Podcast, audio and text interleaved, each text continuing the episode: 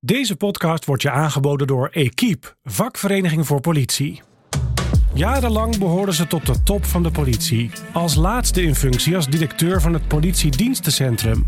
Maar na 31 jaar trekt Petra Bosman de deur achter zich dicht. Ze maakt de overstap naar het Jeugdfonds Sport en Cultuur. Zelf zegt Petra dat ze niet bewust aan haar carrière heeft gewerkt. Maar is haar rang als hoofdcommissaris haar dan gewoon aankomen waaien? Spoiler, natuurlijk niet. Een gesprek over hoogte- en dieptepunten in haar tijd bij de politie. In de Utrechtse Hub 50 gaat Nina van den Dungen in gesprek met Petra Bosman. Van harte welkom, Petra. Dankjewel. Jij bent dus directeur van het politiedienstencentrum, het PDC. Je stuurt 8000 mensen aan, klopt dat? Althans, ik doe een poging.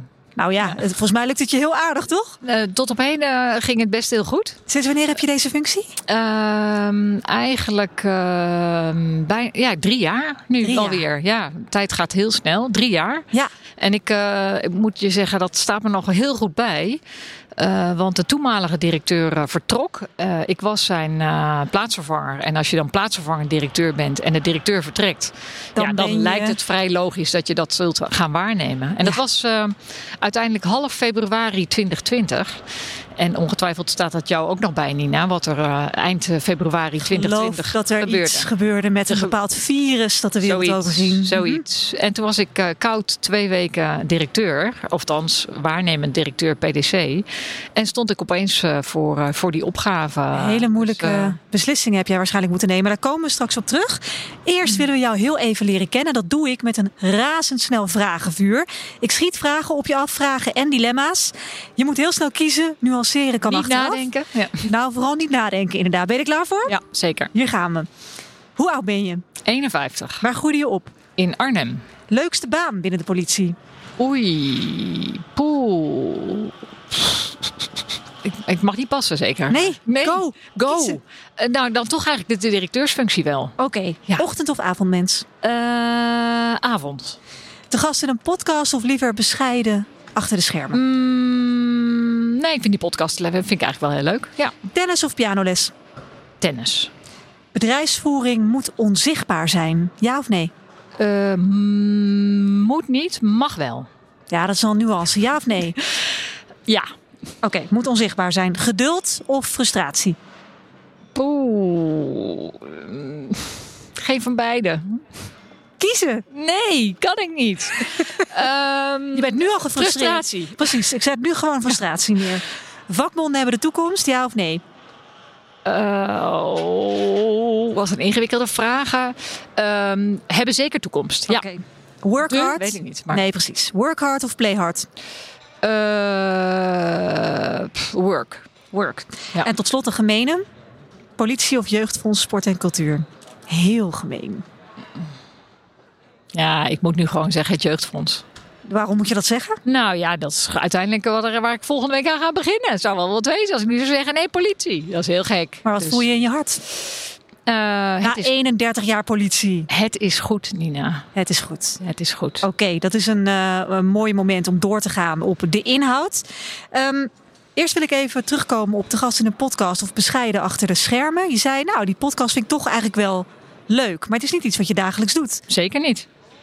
Nee, maar dat is eh, soms is dingen die je niet dagelijks doet, eh, alsnog wel doen, eh, toch wel heel leuk. Ja. En ja, ik hoorde gisteren iemand zeggen tegen mij van, ja, jij, was altijd zo bescheiden. Toen dacht ik, nou, dat valt volgens mij op zich wel mee. Maar En, mensen zien jou als bescheiden? Blijkbaar. Nou ja, diegene die gisteren het woord tot mij richtte, vond mij bescheiden. Maar treed jij graag op de voorgrond? Of, of denk je van... Ehm, nou, ik treed niet per se graag op de voorgrond. Maar uiteindelijk brengen functies natuurlijk wel met zich mee dat je soms je op de voorgrond eh, te stellen hebt. Mhm.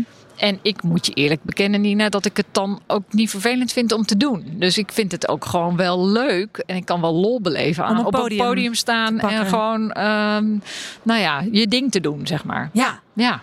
je zei net iets, begon je al over toen je startte met deze functie in coronatijd. Wat, was er meteen al een moeilijke beslissing die je moest nemen? Of kon je wel een beetje rustig wennen aan die, aan die functie, aan die plek? Nee, dat, dat, eh, dat, zijn, dat is meteen wel gewoon alle hens aan dek. Eh, gewoon eh, vanuit het simpele gegeven. je zei het zelf al, verantwoordelijk voor ehm, het politieonderdeel. Wat 8000 medewerkers in zichzelf heeft, waarvan opeens werd gezegd van goh, gij zult thuiswerken. Ja. Ja, en hoe doe je dat dan? 8000 man. Uh, en uiteindelijk dat politiedienstencentrum, wij zeggen wel eens, is partner in goed politiewerk. Uh, wij maken politiewerk mogelijk. Ja, want je doet de bedrijfsvoering, hè? Precies. En, en um, dan komen allerlei vraagstukken voorbij waar je misschien niet uh, meteen aan denkt. Maar hoe reanimeer je in coronatijd?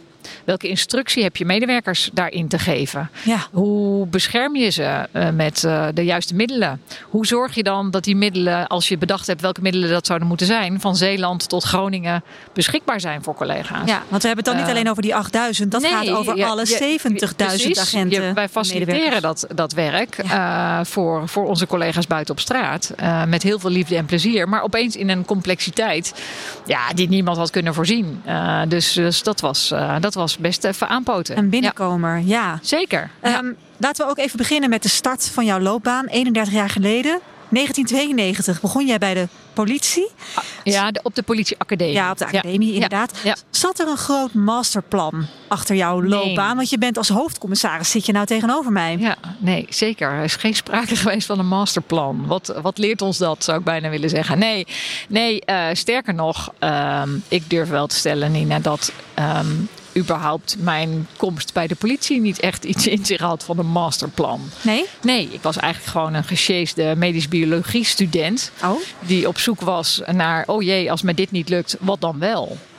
Um, Want ja, medische biologie, dat lukte je niet? Nee, daar, daar ben ik denk ik gewoon niet slim genoeg voor. Uh, en... Um, en uiteindelijk, ik trof ook in de collegezaal niet de mensen waar ik dacht van, oh, dat, dat zijn mijn mensen of zo. Hè? Dus je had gewoon geen klik. Te veel ongeduld. Je stelde de vraag geduld, geduld of frustratie. Ja, het is geen geduld, maar het is ook geen frustratie. Maar geduld heb ik in ieder geval niet. En uh, ik, heb, ik heb wel eens, uh, ik zeg wel eens anekdotisch, uh, dan zat ik in de collegezaal en dan, dan stond er een hoogleraar, die stond heel enthousiast te vertellen dat hij drie jaar bezig was met het onderzoek naar een of ander beestje of een of ander dingetje.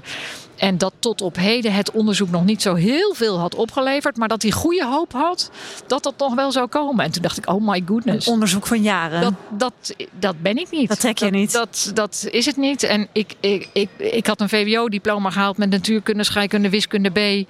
En ik begreep opeens niets meer van wiskunde op de universiteit.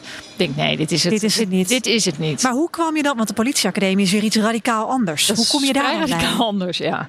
Ja, nou ja, ik, in alle eerlijkheid, ik denk dat dat is. Uh, ooit had ik, uh, ik denk dat het in VWO 4 is, dat je een beetje met een decaan in gesprek moet over van, nou, wat ga je dan na het wat VWO wil jij doen? Worden? Wat ja. wil jij dan later worden?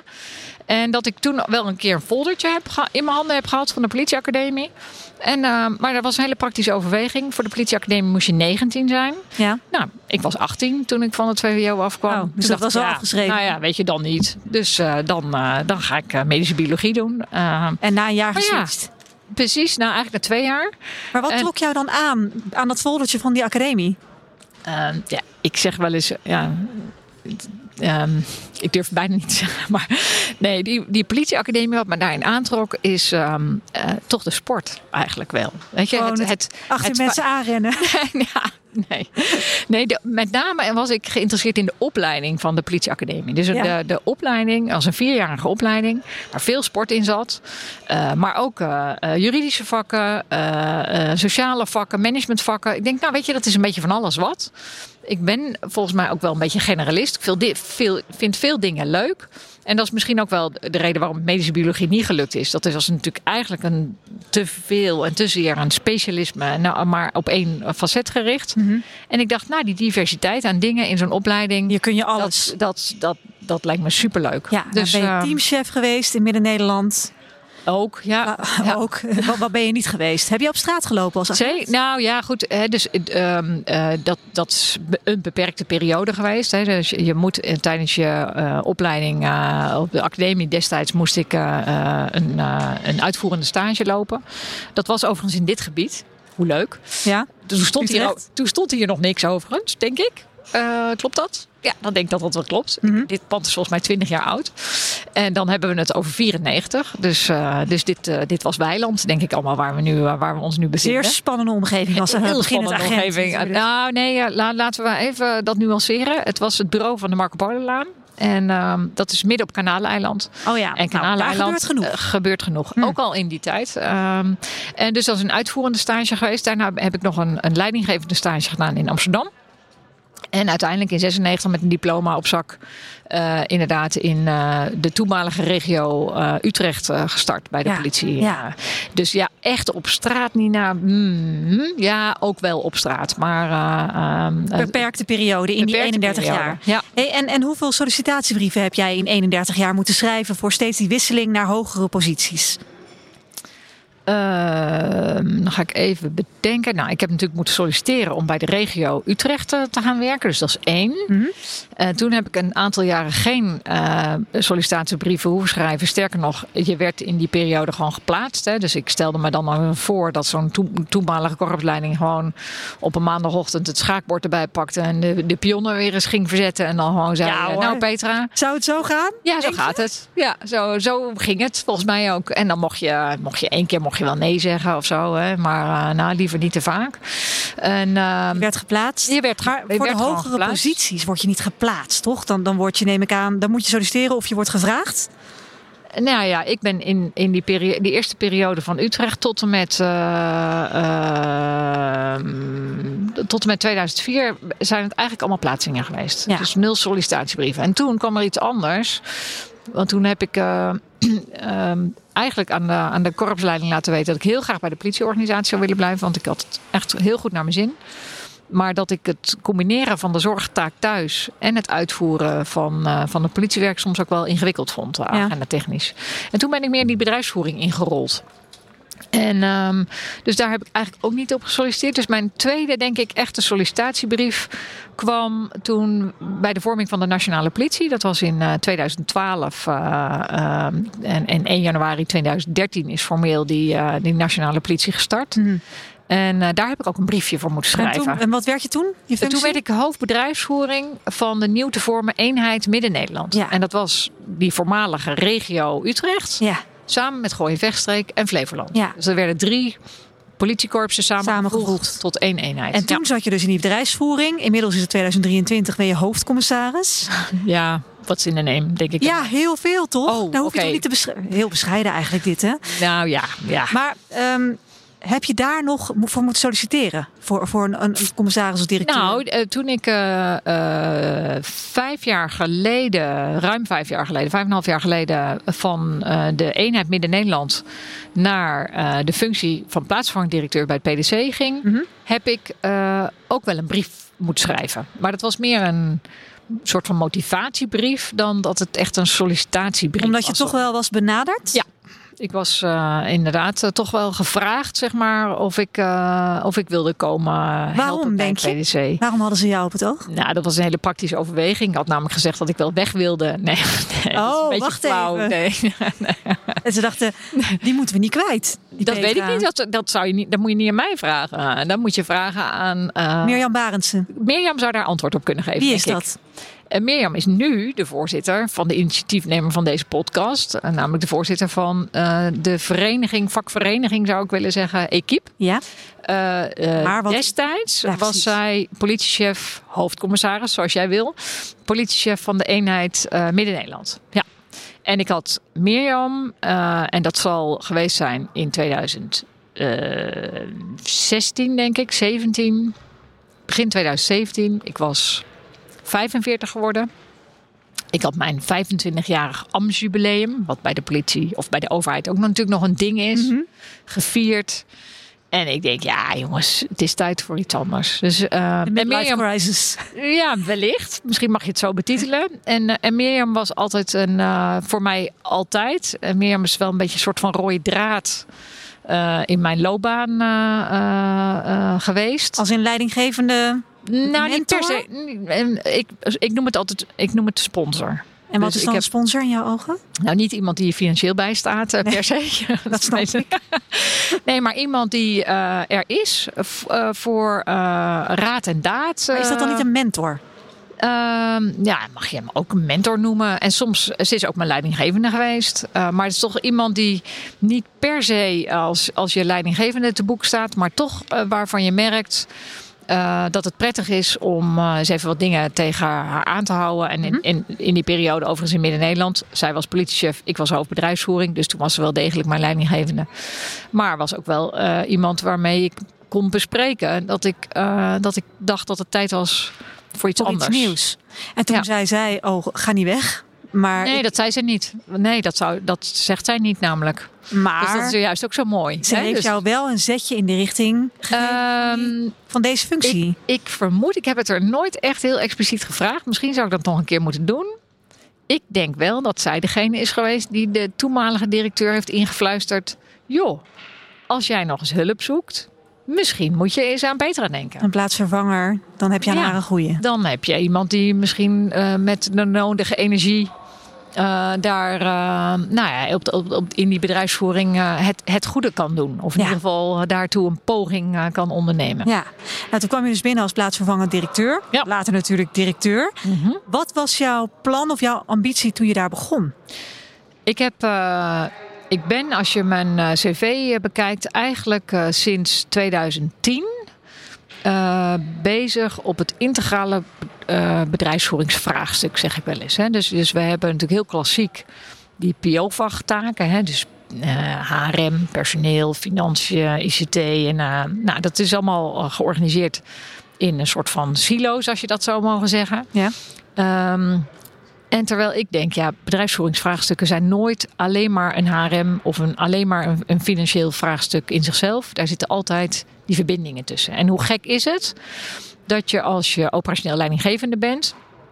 Je hebt een vraagstuk eh, rondom eh, dat je eigenlijk vindt dat je team, eh, ehm, hè, dus om, om de opgave waar zo'n team voor staat, goed uitvoering te kunnen geven, dat, dat je iets anders nodig hebt van die bedrijfsvoering. En hoe gek is het dat je dan al die verschillende deurtjes binnen die bedrijfsvoering af moet, met allemaal, ja, dat is het vraagstuk voor huisvesting en dat is het vraagstuk voor ICT. Al die dat- loketjes, al die loketjes echt dat wilde gek. jij niet meer. Nee, want ik denk, ja, die teamchef in, in zo'n, of het teamchef is of een districtchef of uiteindelijk een politiechef, dat doet eigenlijk niet zoveel ter zake. Die heeft een, een bedrijfsvoeringsvraagstuk.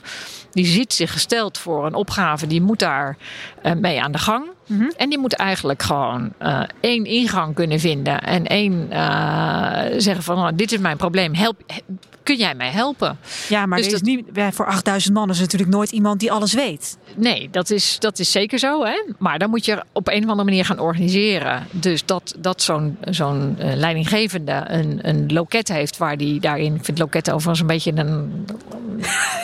Jeukerig woord, ja, ja, ja. het. jeukerig woord, hè? Zie je het aan je, ja? Maar goed, dat, dat hij op, eh, op een bel kan drukken. En dus eh, dat daar iemand dan achter zit. Die hoeft het zelf allemaal niet te weten. Want dat is natuurlijk helemaal waar. Maar die weet wel kan- meteen- Maar die weet wel hoe die dat wel moet organiseren. En, overigens het waar ik hij zeg, bedoel ik ook vooral zij. Ja, natuurlijk. Dus, dus, dus dat is een aspect, dus die integraliteit van die bedrijfsvoering. En het tweede aspect is, en dat zit eigenlijk besloten al in dat, in dat, in dat verhaal wat ik net eh, hield. Ik ben zelf natuurlijk ook operationeel leidinggevende geweest. En laten we wel zijn, die bedrijfsvoering, het is altijd een beetje te laat. En als het dan komt, dan is het eigenlijk het net niet. En jouw Dus- ambitie dus, was mijn ambitie was om die fixen. aansluiting van die operatie op de bedrijfsvoering. Dus hoe zorg je nou vanuit die bedrijfsvoering dat je ook daadwerkelijk goed politiewerk mogelijk maakt? Door de goede dingen op de juiste momenten te leveren. En liefst vanuit een integraal perspectief. Om dat voor elkaar te krijgen. En dat heb ik in 2010 voor de toenmalige regio Utrecht mogen doen. Mhm. Maar ja, toen kwam die nationale politie over ons heen gedenderd.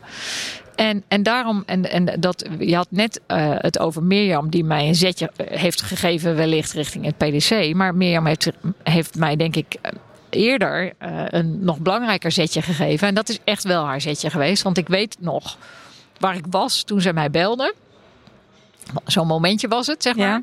Dat zij mij belde en zij, zij was toen eh, beoogd politiechef voor Midden-Nederland. En zij was bezig met het samenstellen van haar eenheidsleiding. En zij belde mij s'avonds en ze zei: Zou jij nou toch niet eens gewoon hoofdbedrijfsvoering worden van de eenheid Midden-Nederland? Nou, dat had ik zelf gewoon echt nog niet verzonnen. Serieus niet. Dat, eh, En dat heb je wel gedaan. En eh, toen ben ik uiteindelijk daar, eh, heb ik daar wel netjes Ja. de, de hoepeltjes die ook nodig waren Tuurlijk. om dat te doen, eh, heb ik genomen. Maar goed, je zei net duidelijk van mijn ambitie was om die verbindenis te Ja. leggen. Om eigenlijk niet meer cachemur verhaal Cachemur, te krijgen. ja. Je gaat nu weg. Is het gelukt? Ehm, we zijn zeker opgeschoven.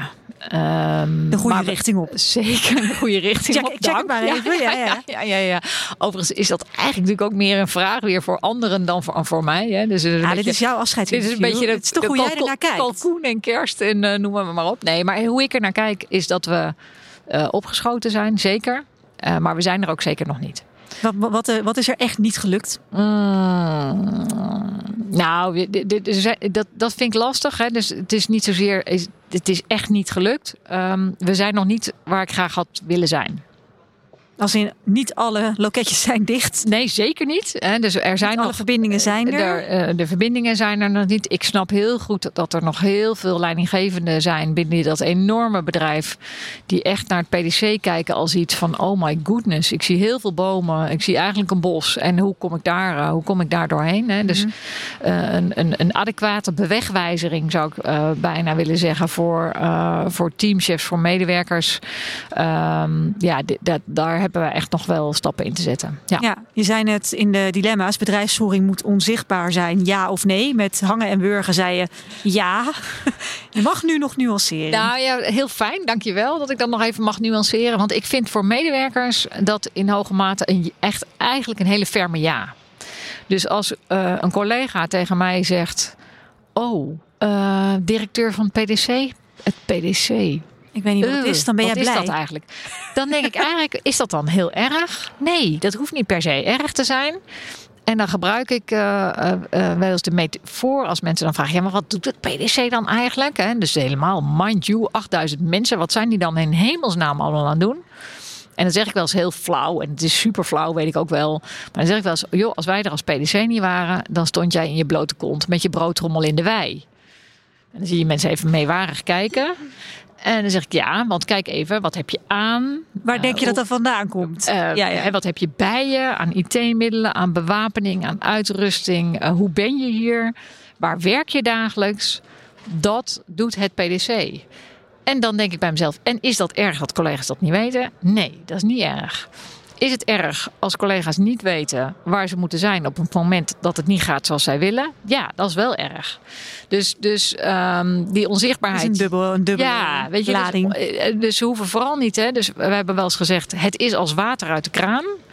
Het is pas heel vervelend op het moment dat je die kraan opendraait en er komt geen water uit. Ja, hij moet het en, altijd doen. En dan moet je wel weten waar je moet wezen om te zorgen uh, dat, die, dat er weer water uitkomt. Ja. Uh, en, en het moet het altijd doen. En dat moet eigenlijk ook een soort van vanzelfsprekendheid zijn. Ja. Dat het het doet. Nou, ik neem aan dat je wel een lopende kraan achterlaat en geen lekkende kraan. Uh, ik laat heel veel lopende kranen, maar ik sluit ook niet uit dat ik ook nog wel een aantal lekkende kranen. En misschien, wat misschien um, nog wel in metaforisch is, hier en daar is het ook een koeker geworden. Hè? Dus wij leveren oh ja? niet alleen. En wat doe je dan? Nou ja, niet alleen warm en koud water. Soms mag het ook bruisend zijn. Hè? Dus, dus, oh, Oké, okay. uh, ik dacht even heet. Dat is toch ook niet uh, per se nee. wat je wil? Nou ja, als je het nodig hebt. Je kan het maar nodig hebben, heet water of bruisend water. Hè? Dus er zit Ja. ook. Een, een, wat ik erbij uh, bedoel te zeggen, er zit ook een soort van um, andere varianten. Het is niet maar één soort standaard uh, uh, soort water. Nee, het nee. soms mag ook soms water met een smaakje zijn. Ja. Hey, en 31 jaar, dat bestaat natuurlijk uit hoogte- en dieptepunten. Waar ben je het meest trots op als je terugkijkt op die hele loopbaan bij de politie? Um, ja, weet je, het is misschien een beetje, dat is een beetje een flauw antwoord, maar ik kijk echt uh, terug op een echt een hele mooie tijd. Uh, in, uh, ik heb denk ik ongeveer orde grootte per vier jaar heb ik, ben ik iets anders gaan doen. Dus ik heb heel veel verschillende plekken gezien, maar vooral ook heel veel verschillende mensen ontmoet. En als ik nu wel eens de vraag krijg van, oh, en wat ga je het meeste, min, wat ga je het meeste missen? Is dat een heel simpel antwoord voor mij. Het is namelijk gewoon de mensen. In collega's. Collega's. Ja. Feestjes. Ik hou ook wel van feestjes, ja. Heb ik, heb ik gehoord, ja. Oh jee, je bent goed geïnformeerd. Hey, en, en een uh, dieptepunt. Wat, wat, was, wat was nou echt een moeilijk moment bij de politie? Mm, ja, nou ja, dieptepunt, dieptepunt. Er zitten natuurlijk heel veel momenten uh, in. Hè, en dat kan zijn op operationeel uh, vlak. Hè. Uh, dus, dus, dus gewoon in, in de gebeurtenissen die je bijblijven. Uh, schiet me zo er nu één te binnen, is de vermissing van Ruben en Julian. jongetjes. De jongetjes. In, in de gemeente Utrecht. Ja, en dat was nou ja, in mijn tijd dat ik hoofdbedrijfsvoering was in Midden-Nederland. Maar het was ook nog eens iets wat heel in mijn directe woonomgeving zich afspeelde. In, wij wonen in Doorn. Uh, en de vader van Ruben en Julian uh, werd uh, natuurlijk gevonden in het Doornschat. Dus het is dan ook nog heel dichtbij. En er zijn dan ook heel veel mensen betrokken uit je eigen woonomgeving. Die natuurlijk in de massale zoektocht die tot stand kwam. ook door burgerparticipatie. Maar ook gewoon heel indringend in de organisatie natuurlijk. Dus het zijn dat soort ja, het zijn toch, dat zijn natuurlijk toch dieptepunten uh, eigenlijk uh, wel. Maar ik herinner me ook heel goed de moord op Elsborst. en dat heeft dan iets te maken met het feit dat dat, dan, dat gebeurt tijdens een week dat je zelf piket hebt. Dus dat je daarover geïnformeerd wordt. En, maar ik zeg ook wel eens van ja, uiteindelijk. Um, ik heb er een laatste vraag over. Hè. Dus ik, ik, ik zei net, ik heb niet heel lang op straat gewerkt. Maar ben natuurlijk gewoon wel een aantal jaren als hulpofficier van justitie uh, ook actief geweest. Uh, al mijn dodelijke aanrijdingen weet ik nog wel. Dus, ja? Ja.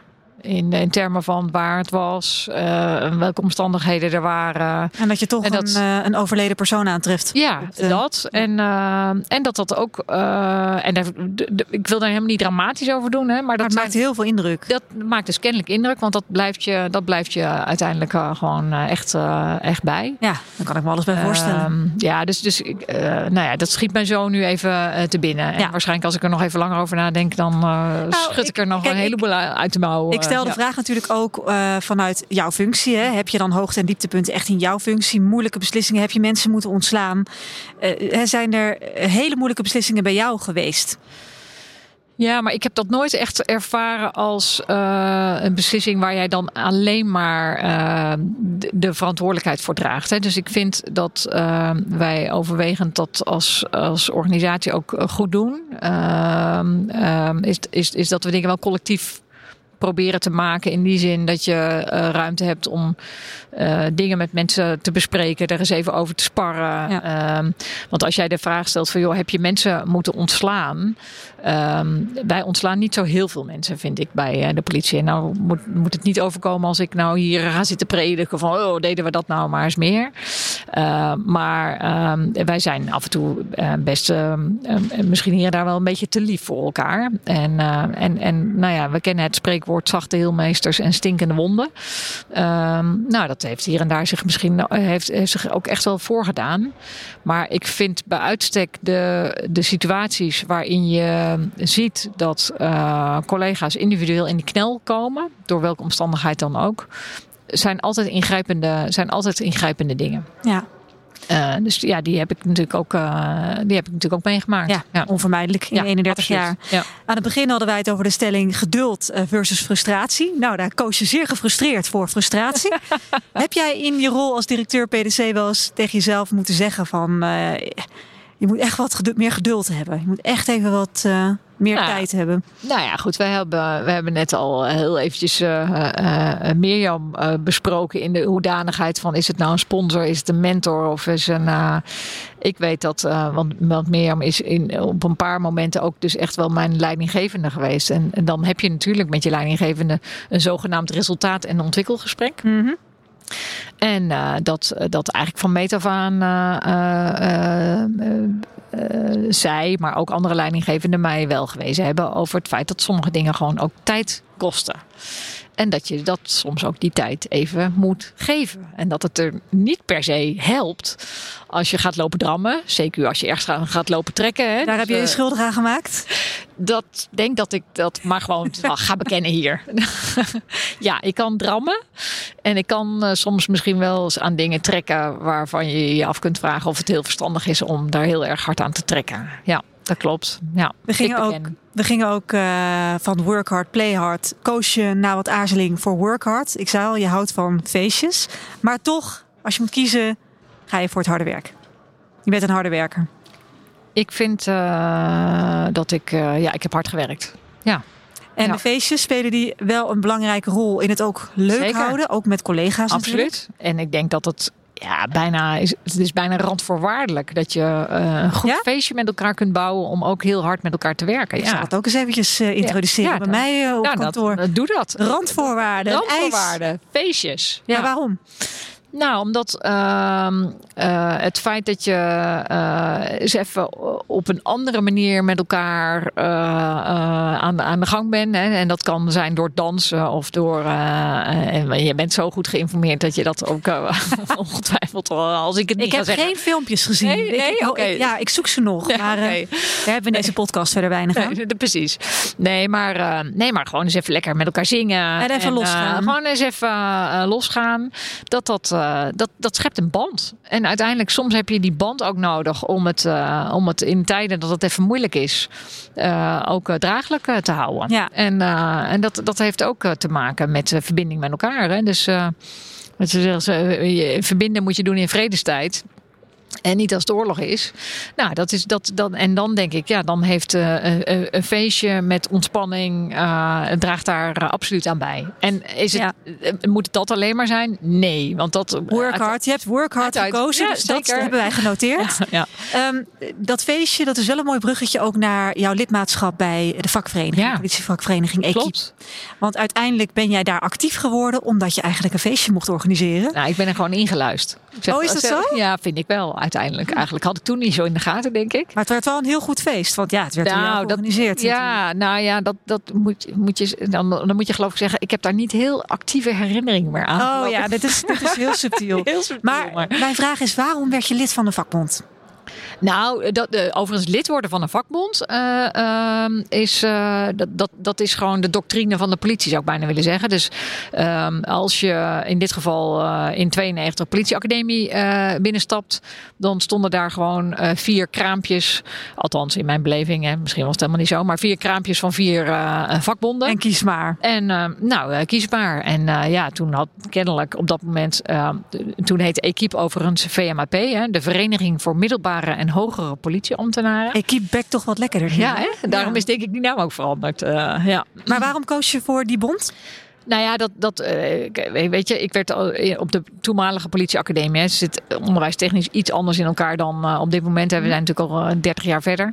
Maar ehm, ehm, ik wist dat op het moment dat ik van de politieacademie eh, af zou komen, ehm, ben je, zou ik inspecteur eh, worden. En dat wordt dan al beschouwd als, als, als middelbaar of hoger eh, politieambtenaar. Mhm. Ja, dus er stond daar kennelijk iemand met een gloedvol betoog dat het vooral in mijn belang was als ik eh, lid zou worden van de VMAP en niet van de ACP of de NPB. eh, Nee. Want dat zijn de an- logische andere twee. Dus dat zo- heb je gedaan.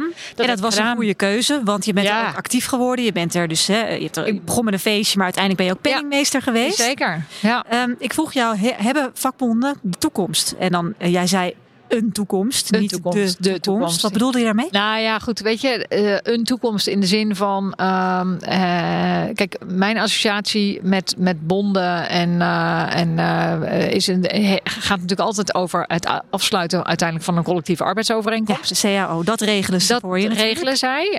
En daarmee is natuurlijk in de, in de zin van ehm, eh, voorheen de VMAP, nu Equipe. Er natuurlijk dan ook een vakvereniging die heel specifiek voor de doelgroep, eh, eh, voor jouw doelgroep, zeg maar, opkomt. hè? Mhm. Want laten we eerlijk zijn, ehm, eh, hè, de, de, de core van de politie, hè, dus de core in de zin van eh, het grootste gedeelte van de organisatie, Ja. Is, eh, zijn de schalen 7 en 8, zijn, eh, zijn de agenten. Dus ik vind het ook volstrekt logisch dat NPB en ACP vooral strijden voor dat grootste eh, contingent aan mensen. Mhm. En dan is het heel fijn dat ik in eh, VMAP, nogmaals voorheen en nu Equipe, voor de belangen van, van het personeel, wat zeg maar net in dat echelon daar, daarboven zit, Ja. strijdt. Dus die collectieve arbeidsovereenkomst. En wat zij natuurlijk doen, is belangenbehartiging.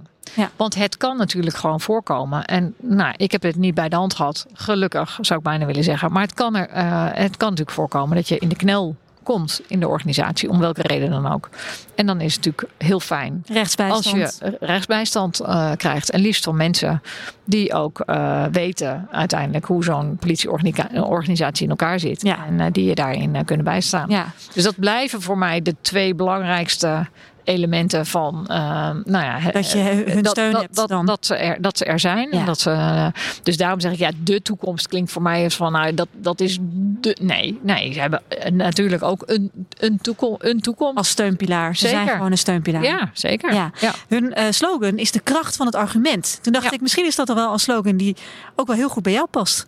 Ja, nou, dat zeker. Dat, en en die, is, eh, die is nog, nog steeds hetzelfde. eh, Hè? Dus die is al jaren hetzelfde. En die doet nog steeds eh, op geld. Want ja, ik mag wel graag debatteren, maar wel op basis van argumenten. Debatteren Ik, op basis van ja, nou ja. mogen de sterkste winnen, maar dan niet fysiek. Nee, dus daar kan ik me nog steeds van harte in vinden. In, Ja. in die slogan. Ja. ja. Ik kwam bij ehm, de dilemma's op tennis of pianoles. Je kan het allebei, hè? Ja, je niet tennis meer zo- kan ik wel. Ja. Maar pianoles heb je ook even gehad. Is dat allemaal weggezakt? Ja, dit, eh, dat is wel een beetje weggezakt. Er staat overigens nog steeds een piano eh, bij ons thuis. Eh, Dat is een meubelstuk. Maar het is inderdaad meer meubel. Nou, het is eigenlijk vooral. Hij staat eh, op de overloop eh, boven. En eh, er ligt vooral heel veel was op. Goed, dat doet mij pijn, want mijn piano staat fantastisch midden in de woonkamer. Ja. Maar, ehm, Nee, maar ik ben er ook gewoon niet, zijn. Ik, ik ben er ook gewoon niet zo goed in. En, en, En sport wel. ehm, nou ja, ik, ik, toen ik jong was, ik, eh, ik zeg wel eens, de beverreclame is voor mij echt van, van toepassing. Hè? Dus ik weet niet of je die slogan kent. Hè? Iedereen is een buitenmens. Ik beschouw mijzelf ook als een buitenmens. Ja. Dus ik was graag buiten. En altijd maar inderdaad, of het nou voetballend was of tennis was. Of Rennend, wij- bewegen. Wij speelden in de straat bordje tik. Eh, dus, dus ik was altijd graag buiten. En eh, eigenlijk eh, ja, was het natuurlijk heel vervelend dat mijn vader dan je naar, me naar binnen riep. Omdat ik nog even een half uurtje piano moest spelen. Omdat ik dan naar pianoles moest. En Heel herkenbaar dit. Enorm op mijn donder kreeg. enorm op mijn donder kreeg dat ik niet geoefend had. Ja. En ehm, nou ja, goed. En natuurlijk ook de klassieke voorspelling. Dat toen ik echt zei van ja, maar papa, mama, ik wil, ik wil dit niet meer. Ik wil stoppen. Dat dan die wijze woorden van je vader, daar krijg je later spijt van. Nou, dat klopt. Die komen uit. Die komen uit. Maar gelukkig ben je wel blijven tennissen. Je gaat nu naar het Jeugdfonds Sport en Cultuur. Wat dat betreft wellicht op het lijf geschreven. Ja. Wel iets compleet anders. Ja, Dit, dit is liefdadigheid, neem ik aan. zeker. Het is goede doelen. Ja. Waarom? Waarom ga je naar het Jeugdfonds Ehm, Sport en Cultuur? Mm, Ja, hoe fijn is het, zou ik bijna willen zeggen, als je die drie elementen, jeugd, sport en cultuur, met elkaar eh, kunt, eh, kunt verbinden. En waar uiteindelijk mijn eh, passie zit voor dit vraagstuk. Hè, we hadden het net even gekscherend over eh, de, de tennisles en het voetballen en, en de pianoles. Maar voor mij is het altijd heel vanzelfsprekend geweest om te sporten. En ook dat in clubverband eh, en verenigingsverband te kunnen doen. Mhm. Ehm, en ehm, nou, we weten volgens mij met z'n allen dat dat voor heel veel kinderen niet vanzelfsprekend is.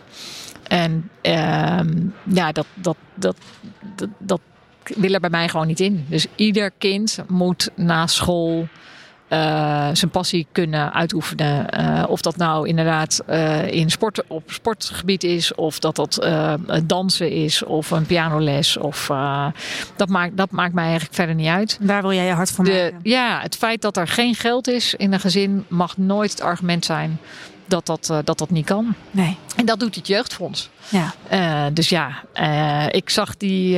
ik moet het heel, als ik het goed zeg, ik werd getipt op het feit dat dit een vacature zou worden. En je En- hebt de sollicitatiebrief geschreven. Ja. en je bent het geworden. Ook nog. Ja. Ehm, Ja. Wat voor advies geef jij mee, als je dat nu mag doen hè, in het interview, aan jouw politiecollega's? Zeker misschien ook degene die aan het begin van hun loopbaan staan. Want je zei zelf, ja, Mirjam was mijn sponsor. Nou, dat Is is, dat een hele goede tip? Nou, niet Zoek per se meer, meer, Mirjam Nee, als maar sponsor, een arme. Mirjam. Nee, zoek een sponsor is, eh, is de tip die ik mensen eh, echt meegeef. Dus,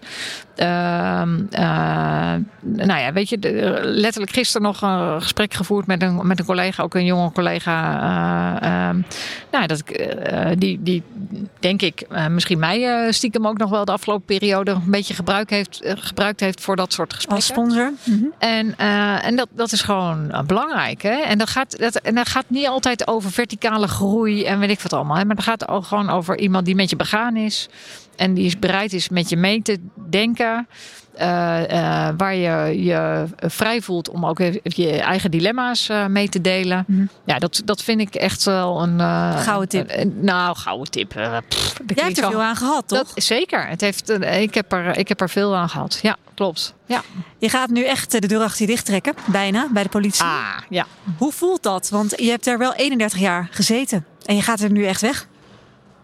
Ja, ik weet niet of ik me helemaal precies realiseer wat dat, uh, wat dat uh, gaat betekenen.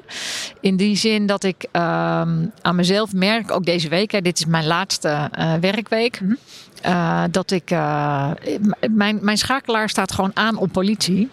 En dat betekent dat ik nog steeds gewoon mijn ding doe. Ja, maar over een en, week lever jij je pasjes in. Volgende week lever ik mijn pasjes in, lever ik mijn spullen in en uh, vertrek ik uh, voor een weekje op vakantie. Ik denk eerlijk gezegd dat dat nog een weekje is waarvan je denkt, ja, dat kan ook een reguliere vakantieweek zijn. Hè? Dus of het kwartje dan echt al valt, weet ik niet. Um, uh, maar ja, die week daarna valt dat kwartje natuurlijk wel. want dan bellen er geen mensen meer. En, ga je hier weer naar binnen? Meer, en ik ga hier nee. niet meer naar binnen. Ik weet het niet. Ik laat het maar gebeuren, Nina. Volgens ik, uh... mij ben je het gewoon aan het wegduwen. dat je weggaat. nog even, nu het nog kan. Ja, nu, nu kan het nog. Na, uh, ik moet je wel zeggen, ik krijg zo langzamerhand natuurlijk ook mijn agenda voor na 1 april. Het ziet er erg leeg uit. Of bij het jeugdfonds bedoel je? Ja, oké. Okay.